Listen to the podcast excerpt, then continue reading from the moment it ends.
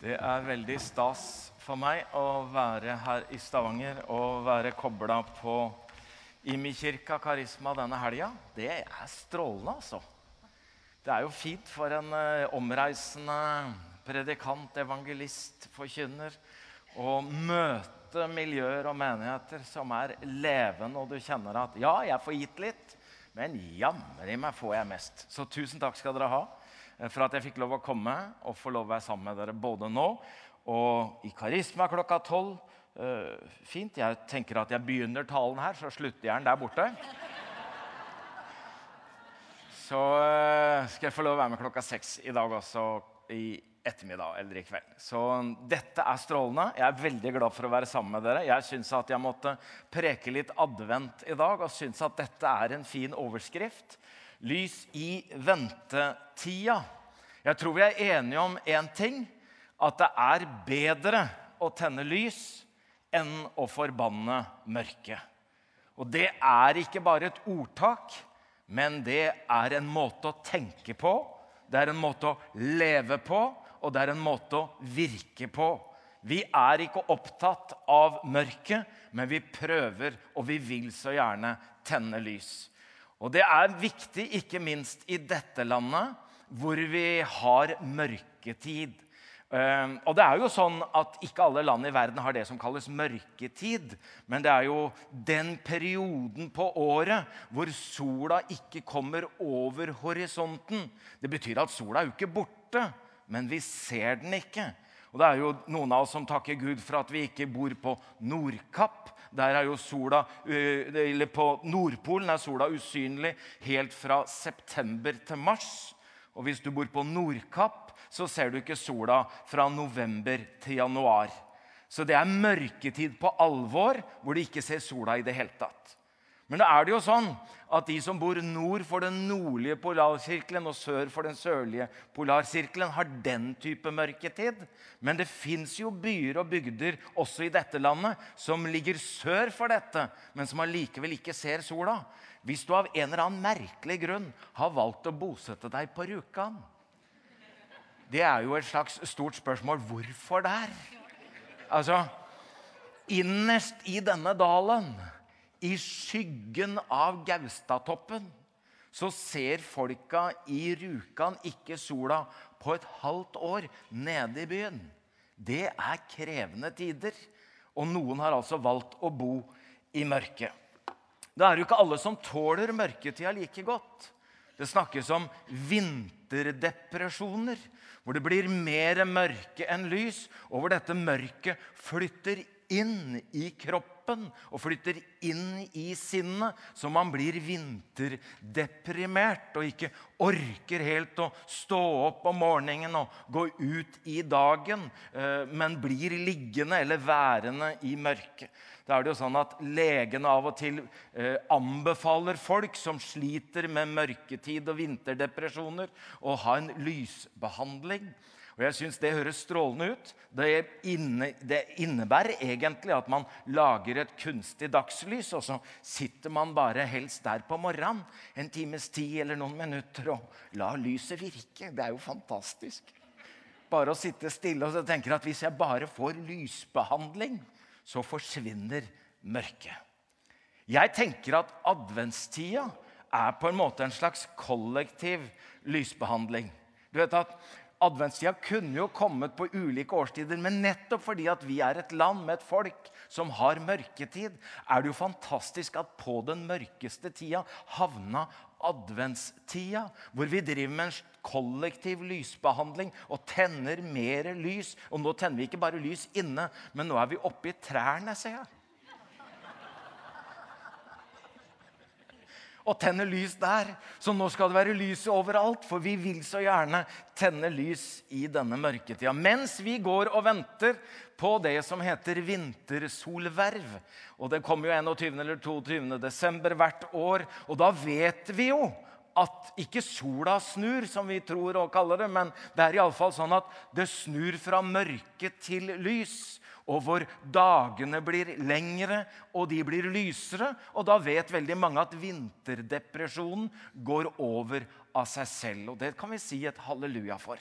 Så da vet du på en måte at har du en vinterdepresjon pga. mørketid, så er den på en måte litt sånn datostemplet. Den kommer til å gå over, og det blir lysere tider. Men nå vet jo vi at det er et mørke som er mørkere enn det som er mangel på sol. Og vi vet at det er et mørke inni oss som er mørkere enn det sola kan behandle. Og det er jo dette lyset vi egentlig da prøver å åpne opp for å tenne nettopp i adventstida som en slags kollektiv lysbehandling. Jeg må allikevel ta dere med til Rjukan. For det er jo fantastisk at i denne mørke byen, nedi denne dalen, inni denne kroken i skyggen av Gaustatoppen, så er det altså en mann for 100 år siden som kom på en tanke. Sola kommer jo ikke ned hit, så vi må få sola ned. Og For 100 år siden så gikk en mann med en idé. Og der er det mulig om vi kunne satt opp noe speil oppe i fjellet som kunne fanget inn sola for oss og sendt den ned i Rjukan. Men du vet, det høres veldig komplisert ut, og det er jo veldig langt ned. Men etter 100 år ble det realisert, og det ble montert opp, og det ble stor feiring i Rjukan i fjor, da solspeilet var endelig en realitet. 50 kvadratmeter speil oppe 745 meter over havet. 450 meter opp fra byens torv står det tre store speil. Og det skal fange opp sola, følge sola der oppe, for der er den. Og så kaster de denne ned på torvet i Rjukan. Så der er det ikke bare lys, men der er det varmt. Så folk møtes på torvet som om det er sommer, og syns at det er deilig å bo i Rjukan. Ja. Og det er jo en fantastisk tanke.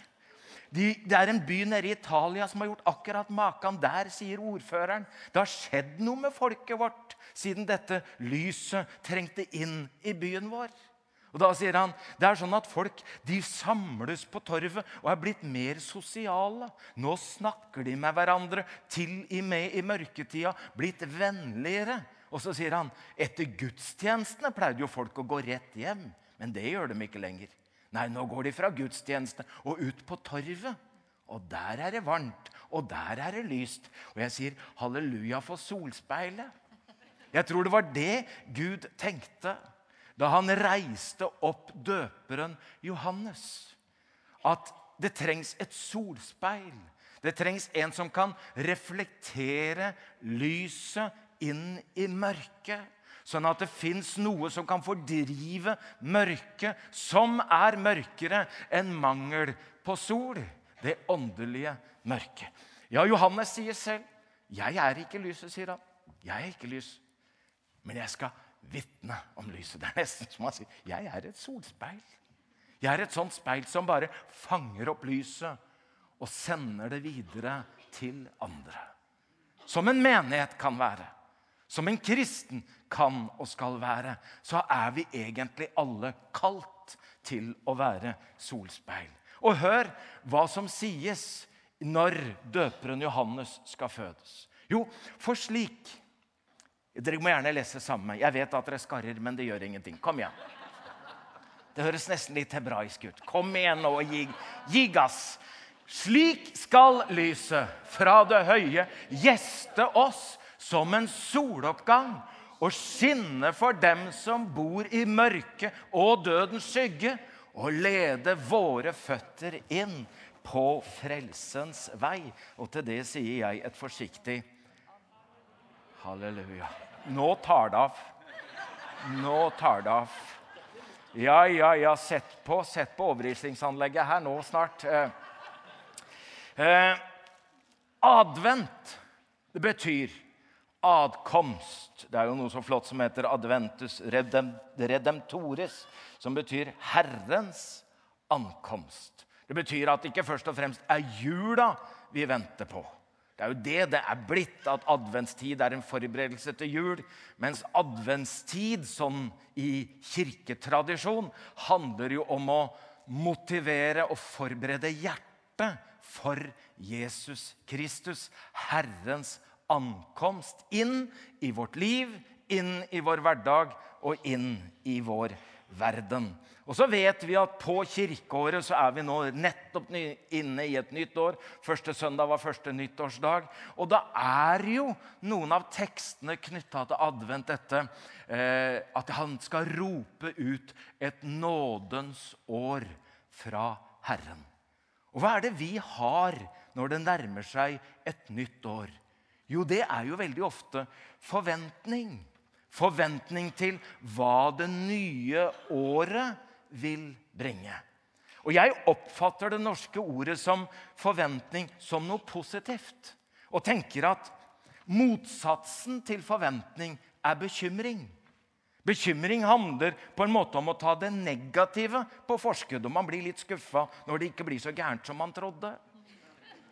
Og tenker at det var da dumt å bruke opp så mye krefter til ingenting, så man nesten blir litt glad hvis det går noe gærent. For da var du ikke for bekymra forgjeves. Problemet er bare det at bekymring spiser opp kreftene dine unødvendig. Fordi det gjør ikke noe med situasjonen. Det bare tapper deg for krefter. Sånn at når du kommer i situasjonen, så mangler du den kraften som du hadde trengt. For de har du brukt opp på forhånd. Men motsatsen til bekymring er positiv forventning. For da har du egentlig en forventning om en forandring før forandringen har skjedd. Det er en god opplevelse og følelse å ha. Dere som har små barn boende hjemme disse dagene, kjenner det på kroppen. Hvordan ungene virkelig kan ha forventning til hva som skjer disse dagene. Jeg tror det var en av dine var det ikke, som allerede har begynt å sove i nissedrakta. Det er noe med Dette er intenst. Og dette er intenst. Og det var jo en tenåring som sa til faren sin pappa, kan ikke vi bare leie inn en unge til jula? Fordi vi trenger å smittes av denne type positiv forventning. Eh, og det er nettopp denne forventningen som eh, Johannes døperen skulle skape. Han skulle skape en slags adventus i folk. Sånn at de begynte å forberede seg på han som skulle gjøre sin ankomst. Og folk begynte å forvente pga. det han sa, hvem han var, og hva han gjorde. Og det står at folket gikk nå med forventning. Og alle tenkte i sitt stille sinn at Johannes kanskje var Messias. Og det er jo fantastisk at Johannes har fått være med og skape Messias forventning i et folk som kanskje hadde glemt Messias som hadde sluttet å vente på Messias, som ikke tenkte på Messias. Men nå hadde de begynt å tenke, nå hadde de begynt å snakke, nå hadde de begynt å forberede seg. Og så hadde de forventninger som egentlig var gode, men som gikk i feil retning. Og da elsker jeg det Johannes gjør. Ikke å si 'Å nei, å nei, å nei'. Men han er jo et solspeil. Så han prøver å ta deres forventning og bare vri den over mot han som skal komme. Sånn at han prøver å ta denne positive lengselen, håpet, forventningen og gi den retning. Det gjør Johannes. Derfor så hører vi Johannes veldig ofte stå og peke og se. Se, se, se, se. Se der. Se der. Der er han. Der er han som bærer verdens synd. Etter en stund så ble Johannes' disipler litt bekymra fordi de begynte å følge Jesus mer enn Johannes. Hva skal vi gjøre for å oppnå suksess igjen, Johannes? Da sier Johannes det er ingen bekymring. Nå går forventningen riktig vei. Nå forventer de ikke av meg, men nå begynner de å forvente av han. For han skal vokse, og jeg skal avta. Vi er kalt til å skape forventning. Og vi er kalt til å gi folks forventning retning. Ikke å møtegå åndelig lengsel, men å hjelpe denne åndelige lengselen til koblingen mot Han som kan møte denne lengselen, Jesus Kristus. Og nå sier jeg det igjen. Halleluja. Åh. Du vet, ventetid er jo ikke bare en positiv tid. Det kan være en veldig krevende tid. Særlig for utålmodige mennesker. Og kona mi mener at jeg er en av de. Jeg må høre med dere om dere syns at jeg er utålmodig. Vi har sagt eksempel, og jeg og vi, hun og jeg, har blitt enige om at vi reiser klokka ti. Fem på ti går jeg ut i bilen og varmer opp den og sitter der klar med mitt. Og når klokka er to over ti, har hun enda ikke kommet. Fem over ti har jeg allerede ringt tre ganger. Inn i huset, tutet et par ganger, blinka litt med lyset og tenkte at når skal jeg gå inn og hente henne og bære henne ut? Og når hun kommer inn i bilen da, så er jeg i krigshumør. Altså, hun har sløst bort fem minutter av min tid. Jeg har mistet fem verdifulle minutter. Folkens, noen av oss er så utålmodige at vi blir urolige når det er ventetid. Vi blir krevende for våre omgivelser, og vi begynner å lure på hva skal vi gjøre nå. Nå vet jeg jo ikke om du er av den tålmodige, litt stille og rolige typen som hun kommer halv elleve eller kvart på tolv, spiller egentlig ingen rolle. Gud velsigne deg som har fått akkurat det sinnelaget. Jeg fikk det i litt for liten porsjon, men det jeg vet, det er at ventetid kan være krevende. Vente på lys, vente på håp, vente på Gud, vente på svar, vente lenge. Fra apostelen, eller forfølgeren Saulus, som nyomvendt fikk vite at han skulle bringe evangeliet til hedningene. Fra han hørte det første gangen, til han ble sendt ut som misjonær og apostel fra eh, Antiokia, så gikk det 17 år. Det er lenge, det. Det er lenge, det. Fra Josef i Det gamle testamentet drømte om at han skulle se kornbånd bøye seg og stjernene samle seg rundt, eh, gikk det 22 år før dette i sin helhet ble oppfylt. Det er lenge, det. Abraham fikk løfte om at han skulle få en sønn. Ikke bare en sønn med hvem som helst, men at han skulle få en sønn med Sara. Det gikk over 25 år før Isak så dagens lys. Det er lenge. Da hadde jeg ringt mange ganger. Da hadde jeg lurt på har jeg tatt feil. Har jeg misforstått? Hørte jeg feil? Var det bare surr? Var det bare tøys? Har du glemt det, Gud? Har du glemt meg, Gud? Ventetid er krevende tid. Da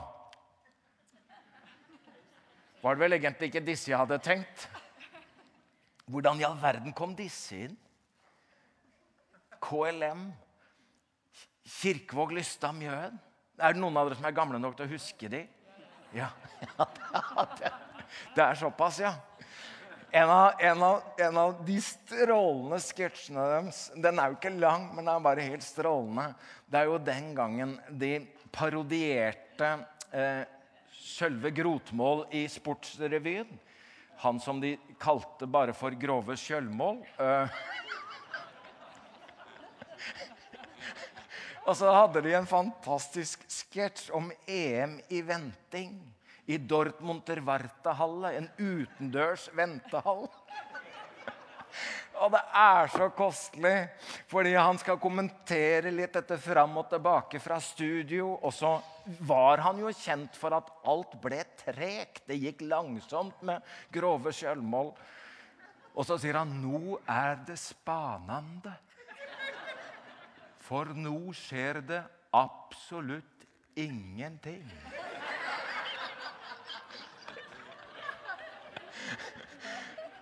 Og så ser vi disse fra Dortmunter Wartehalle som eh, etter hvert ikke orker å vente mer. Så der gikk én, og der gikk en annen. og Så var det en fjerde som ga opp, og til slutt så var det tre igjen. Og nå er det spanende. Til slutt så er det bare én nordmann igjen som hadde orket å vente lenge nok. Og han ble europamester i venting. Og da sier Grove Kjølmoll dette har vi venta lenge på.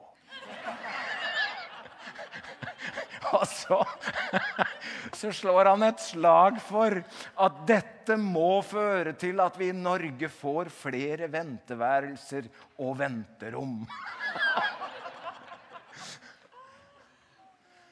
Jeg veit ikke om du er europamester eller norgesmester. Jeg er ikke engang familiemester i venting. Jeg blir så urolig. Jeg trekker meg så fort. Jeg finner så fort på noe annet tenker løsningen fins et annet sted. Det å vente er krevende. Derfor er det ikke likegyldig hva vi gjør i ventetid. For mange tenker at ventetid er tom tid. Men ventetid er ikke tom tid. Ventetid er en tid av modning. Hvis du spør en gravid kvinne om ventetid er unødvendig tid, så er den lang, ja, den er krevende. Men det er en modningstid for barn, for mor, for familie. Det er altså ikke en tom tid, men en fylt tid. Hvis vi tenker på at vi er ikke bare sånn at vi venter på Gud, men vi venter med Gud. At ikke vi er ett sted og Gud er et annet sted, men at vi er med Gud når vi venter på den rette tid. Det er jo derfor det heter når Jesus ble født, da tiden var inne. Eller når tiden var moden. Når dette var modent i verden, da fødte hun sin sønn. I 400 år hadde folket venta på at løftet som kom fra Malaki, den siste profeten i Det gamle testamentet I 400 år hadde det vært profetisk taushet i Israel. Da tror jeg jeg hadde ringt mange ganger. Da hadde jeg vært utålmodig. da. For Malaki hadde sagt at han skal komme og han skal vende fedrenes hjerter til barna. Det var det siste han sa, og det er det siste som står i Det gamle testament. Og så går det 10 år og 50 år og 100 år og 200 år og 300 år og 400 år. Da er vi iallfall helt sikre på ikke bare folk har glemt men Gud har glemt. Men Gud glemmer ikke. Så når han reiser opp solspeilet i Israel, Johannes døperen, er det så fantastisk at det første Gud sier om Johannes, er at han skal vende fedrenes hjerter til barna. Ja, vi glemmer. Ja, vi finner på andre ting. Ja, vi tror at Gud ikke står ved det han har sagt og det han har lovet i 400 år. Og han husker ordrett hva han sa til Malaki. Han skal vende fedrenes hjerter til barna og barnas hjerter til barna fedrene. Jeg vet jo ikke hvor lenge du har ventet. Jeg vet ikke hvor krevende du syns at din ventetid er. Det er sagt noen løfter i ditt hjerte som du hele tiden lurer på. Er det sant? Er det usant? Skal jeg glemme det? Og jeg vet at det av og til tar unødvendig og ulidelig lang tid før ting skjer. Men jeg har bare lyst til å si bestem deg for hva du vil gjøre i ventetida. Sånn at det som skulle være en ventetid, ikke blir et surr. Eh, vi kan lære av Abraham. For han hadde så lett for å se opp mot himmelen, og der var det mørkt der. Derfor bestemte han seg for at nå har jeg to muligheter. Det er å se meg blind på mørket og fylle min sjel med enda mer mørke enn det som er der fra før. Eller så kan jeg finne lyspunktene. Og så skal jeg gjøre hver stjerne på himmelen til et lyspunkt. Og så skal jeg nekte å se på mørket imellom, men jeg skal se og holde blikket mitt vendt på stjernene. Og så skal jeg telle stjernene mens håpet og troen og tålmodigheten vokser. Du må finne lyspunkt i mørket. Den eh, svenske pinseapostelen Levi Petrus var gift med Lydia fra Kragerø. 1910 ventet disse to sitt første barn, og Lydia ble alvorlig syk. Og Det sto om livet både til Lydia og til barnet. De klarte å redde Lydias liv, men barnets liv sto ikke til å redde. Det betyr at dette unge pastorparet gikk inn i et mørke, inn i en troskrise av hvor var Gud når dette skjedde. Og ut av denne krisa kommer en av de flotteste sangene, hvor han skriver løftene kan ikke svikte. Nei, de står evig fast og så gjør Levi Petrus som Abraham og sier til oss, gjør du også som Abraham gjorde. Se mot himmelen opp, for da mens du stjernene teller, da vokser din tro og ditt håp. Og så skriver han, tro når det mørkner på ferden. Solen er sluknet, har for først noen timer, og siden stråler en morgen klar. Jeg tror vi kan synge refrenget. Himmel og jord skal brenne. Høyder og berg forsvinne. Men den som tror, skal finne. Løftene, de står fast. Det betyr at han ikke nødvendigvis kommer når vi hadde håpet og trodd. Det kan også bety at han ikke kommer på den måten vi hadde håpet og trodd. Det kan til og med bety at vi ikke får det oppfylt på denne siden av død og grav som vi hadde håpet og trodd. Men på den andre siden kommer vi uansett til å fastslå Gud, du har holdt ditt ord. Jeg skjønte det ikke fullt og helt, men du står ved det du har lovet. Og jeg sier det igjen. Halleluja. Han er jo ikke akkurat en lystig fyr, han her heller. Det ville vært å overdrive. Grundtvig, som eh, var eh, prest, filosof, folkeopplyser, politiker, forfatter. De sier at han har vært den viktigste personen i Danmarks historie fordi han på 1800-tallet var avgjørende for å forme det danske folks identitet. En markant skikkelse. Den første salmen han skrev, og han skrev flere, den første salmen han skrev, har jeg aldri likt. Jeg syns den har virket så enkel, så billig. Det er eh, deilig Er det en himmel blå, så tenker jeg hvor blått kan det egentlig være? Er det så utrolig deilig hele tiden, da? Det virker som en litt sånn enkel, billig julesang. Men som han skrev imellom to psykoser. Og når du har psykose, mister du grepet. Både verdensbildet og gudsbildet flyter fritt. En uke hadde han fred i sinnet mellom to psykoser. Og så skriver han 'Deilig er den himmelblå'. For lyst det er å se derpå. Og så ser han i dette mørket noen stjerner som blinker. Som kaller oss fra jorden opp til seg. Sinnet vårt, tankene våre, håpet vårt, troen vår. Det er lysbehandling, det, folkens. Deilig er den himmel blå. Det er sikkert noe jeg burde sagt ammen og fortsatt å preke borti karisma. Jeg tar litt til, jeg.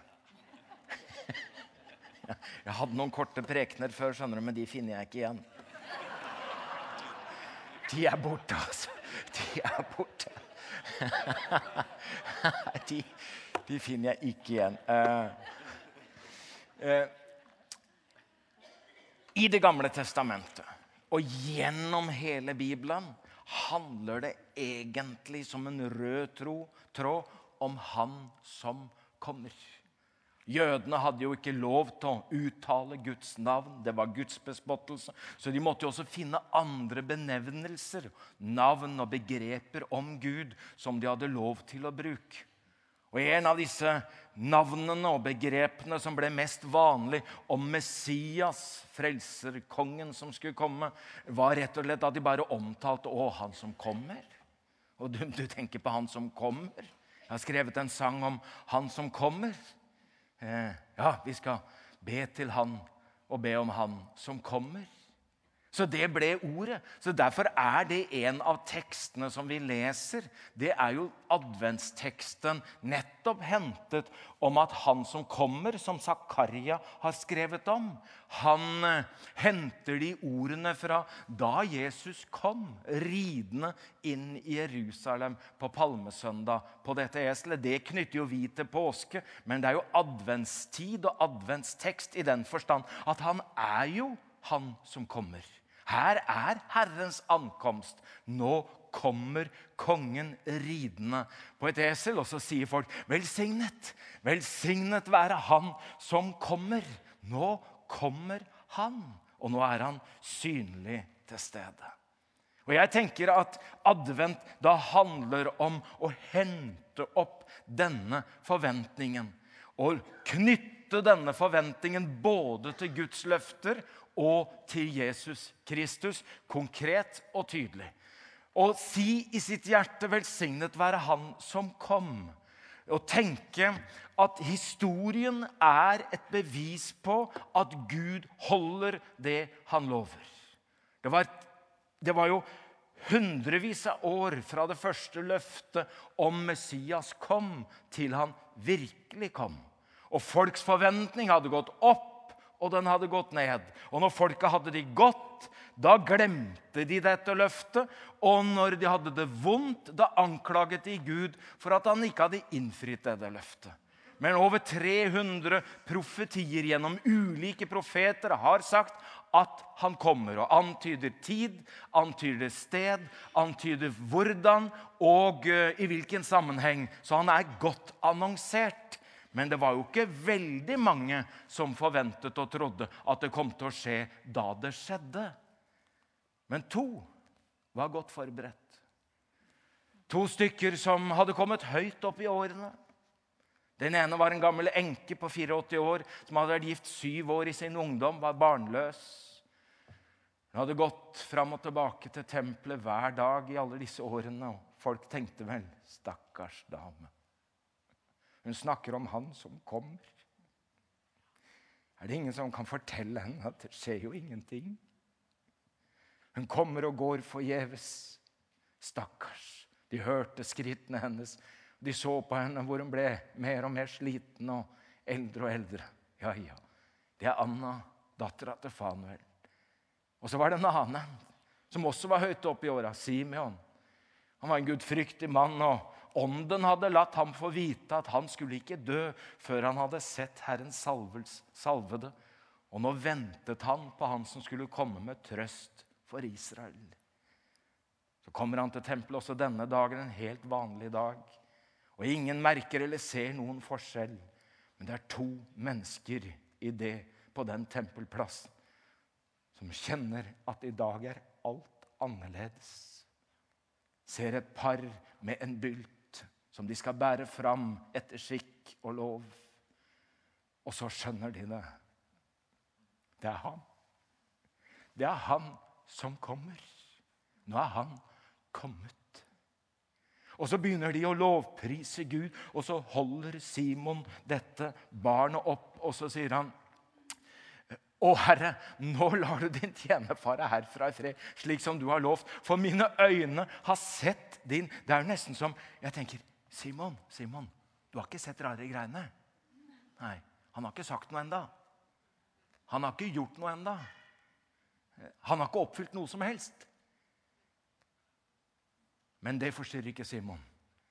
Det han vet, det er ikke at han bør se alle gavene, men nå har han selve giveren i sine hender og vet at han som ga oss Jesus. Han som ikke sparte sin egen sønn.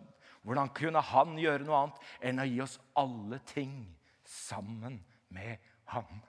Så han har ikke sett noe. Allikevel har han sett alt.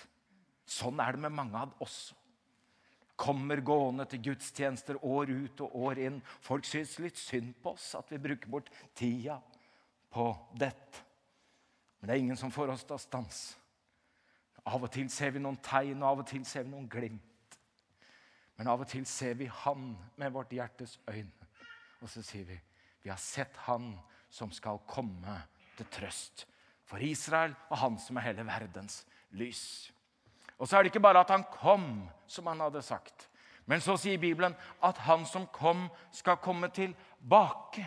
Og på samme måte som hans første ankomst er godt annonsert, så er hans andre ankomst også godt annonsert. Gjennom bibelbøker, gjennom profeter, gjennom løfter og ikke minst gjennom Jesus selv, så har han sagt 'Jeg skal komme tilbake'.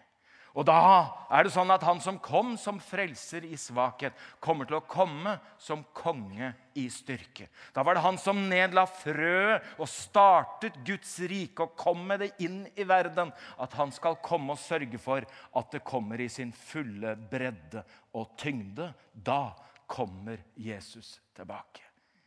Opp igjennom har jeg kanskje lært i vår tradisjon mer at vi har et evakueringshåp. og tenkt at det er viktig å få bli med bort når Jesus kommer. og Det gjør ikke så mye om hele verden går dundas, bare jeg kommer meg unna. Og Det er klart det fins et evakueringshåp i at vi skal rykkes opp i skyen og være med Han. Men det er ikke fylden av Jesu komme. Hver tirsdag morgen i Kristiansand mens jeg var pastor, så var vi på bønnesamling. og tidligere biskop eh, eh, Erling Utnem, som hadde skrevet boken 'Visst skal jorden bli ny'. Vi satt ved samme bord som regel og ba sammen. Jeg tror ikke det var en tirsdag morgen uten at jeg hørte Erling avslutte sine mange bønner med å si Du må komme, Jesus. Du som setter alle ting i rette stand. Og jeg vil lytte etter lyden av dine trinn. Det satte seg fast i meg. Jesus, du er denne verdens håp. Det går ikke dundas. Det går ikke nedenom. Du kommer med en ny himmel og en ny jord. Da min mor eh, flyttet på sykehjem for snart to år siden, så ble det ganske mørkt og ganske tungt. Og hun sa de første gangene vi var hos henne Det er jo som å sitte i dødens venteværelse. Dette er bare å sitte her og vente på å dø. Men så kom vi Og så var mye snudd. Og så sier Vet du hva jeg har funnet ut? Jeg sitter jo ikke i dødens venteværelse, jeg. Jeg sitter i himmelens venterom, jeg. Så jeg venter jo ikke på døden. Jeg venter på himmelen. Det er helt annerledes. Så får jo du velge om du venter på nedgang og solnedgang, eller om du venter på soloppgang og Han som kommer. Ventetid, folkens. Det handler om å løfte blikket også opp over alderdom og død til Han som kommer. Det er jo fantastisk at de gamle kirkene alltid lå øst-vest. Og Inngangen skulle alltid ligge vest, for den ligger jo i mørket. Du har hørt at det går rett vest. Det er nesten Stavanger, det. Det er nesten Stavanger. altså Har du flytta fra Oslo til Stavanger, så gikk det rett vest. Men man kommer inn fra sida hvor sola går ned. Og så lå alteret alltid mot øst. For menigheten skal feire gudstjeneste i lys av Han som kommer.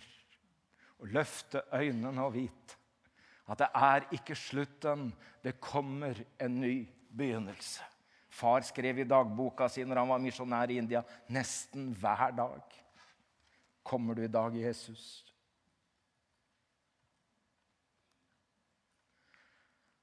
Det er advent så tenker jeg at vi kan si med Johannes, når han som vitner om dette, sier 'Ja, jeg kommer snart', da kan menigheten si, og vi sier det nå, 'Amen'.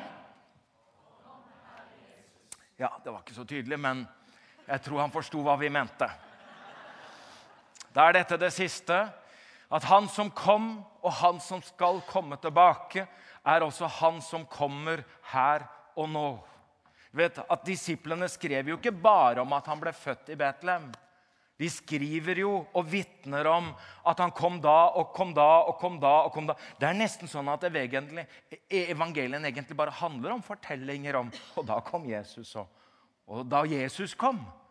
Og så handler det veldig ofte om at han kom og snudde mørke til lys og håpløshet til håp. Og så snudde han sykdom til legedom og død til liv. Det blir liksom kjennetegnet at han som kommer Ikke bare han som kommer der framme, for da broren til Martha og Maria var død, så sier Jesus at 'jeg skal gå og vekke han opp'. Ja, sier Maria. Og Martha sier bare at 'ja, ja, vi vet jo at han skal oppstå på den ytterste dagen'. Da sier Jesus, 'Det er ikke bare at det skal skje da, men jeg er oppstandelsen og livet'. Det skjer her. Det skjer nå, Martha og Maria. Jeg har lyst til å si til deg at mellom hans første og hans andre komme handler det om at han er her og kommer til deg og meg i våre liv og inn i våre livssituasjoner. At veldig mange av oss vi hadde hatt flere og lengre vitnemøter enn det vi har hatt i dag, så hadde det egentlig handlet om at vi hadde stått opp eller sittet og sagt det var sånn og sånn. Og så kom Jesus. Så var det sånn og sånn. Og så kom Jesus. Og så skjønner du etter hvert at det viktigste er ikke bare å ha ham på besøk av og til, men at han kom for å bli og være hos. Og Det er det det handler om, at han banker på din dør. Ikke bare for å komme av og til i dine livssituasjoner, men å dele livet og vente sammen med deg. Jeg tror at jeg tar tid til at dere skal få møte Espen fra A3 i Vennesla. Espen var en, topp, eh, var en topptrent idrettsmann, eh, familiefar. Og så var det noen som en dag skrudde på mørket, eller kanskje skrudde av lyset, som gjorde at han var helt slått ut i et sykt mørke i sju år og hadde en gåavstand på maks 100 meter. Syv år er lenge å vente for en ellers frisk, oppegående mann og familiefar. Herr Eisberg. Det der vi snakka om i går, om eh, hvordan det snudde Ja. med deg. Ja. Om det skjedde brått, eller om det bare gikk over. Ja, en liten, en liten miks. Altså, ehm, altså Det gikk jo, som jeg sa i går Det varte jo ca. syv års tid. Uh, og så snudde det snudde det i januar i, i 2007. Uh, med en veldig sånn spesiell opplevelse, altså. Uh, gjennom disse syv årene så hadde jeg jo uh, ba jeg jo til Gud om å bli frisk. Skjedde jo ikke noe. Påvirka det forholdet ditt til Gud? Var Ja, ja. Gud? Nei, jeg var sint. Jeg var Ja, så eh, Hva skal jeg si Gikk, gikk og jeg banna og steika altså i mine bønner, for å si det sånn. Jeg var, ja, jeg var meget eh, Det var mye, mye irritasjon over Det det. Altså, ja. For at Men- Gud ikke brøy seg? Eller? Jo, For han altså, greip inn? altså, jeg opplevde jo at han gjorde det, da, men, eh, men det var en god kombinasjon av bunn, bunn ærlighet. Altså, jeg måtte bruke et vokabular som jeg vanligvis ikke brukte, for å sette ord på situasjonen. Så i januar 2007 da, så hadde jeg fått en bok av min bror, som var tolv tekster fra evangeliet. Og eh, det er tolv dager du skal meditere over én tekst hver dag. Bak på denne boka så står det at denne boka kan virke til helbredelse, blant annet. Så jeg tenkte ja, ja. Jo.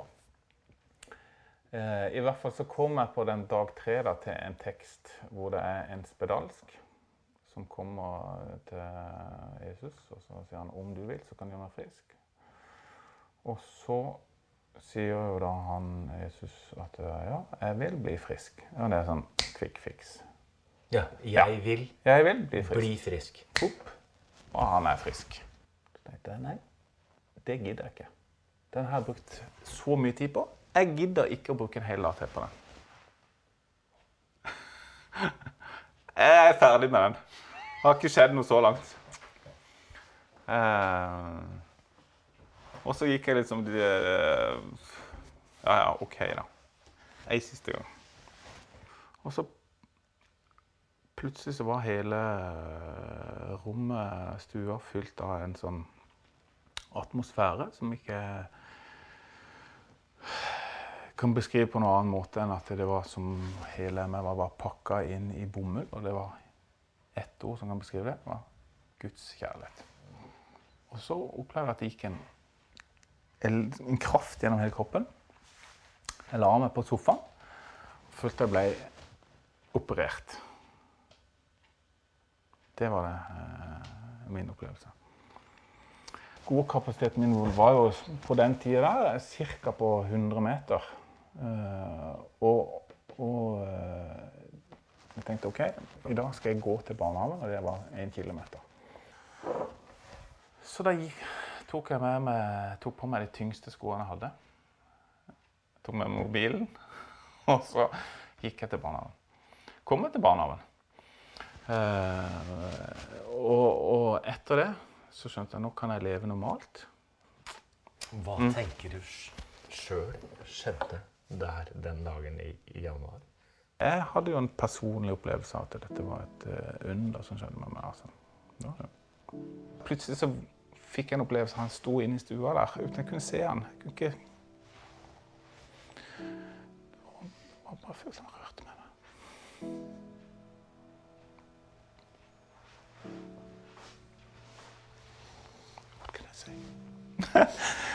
så det er uforklarlig. Eh, Det er et mysterium.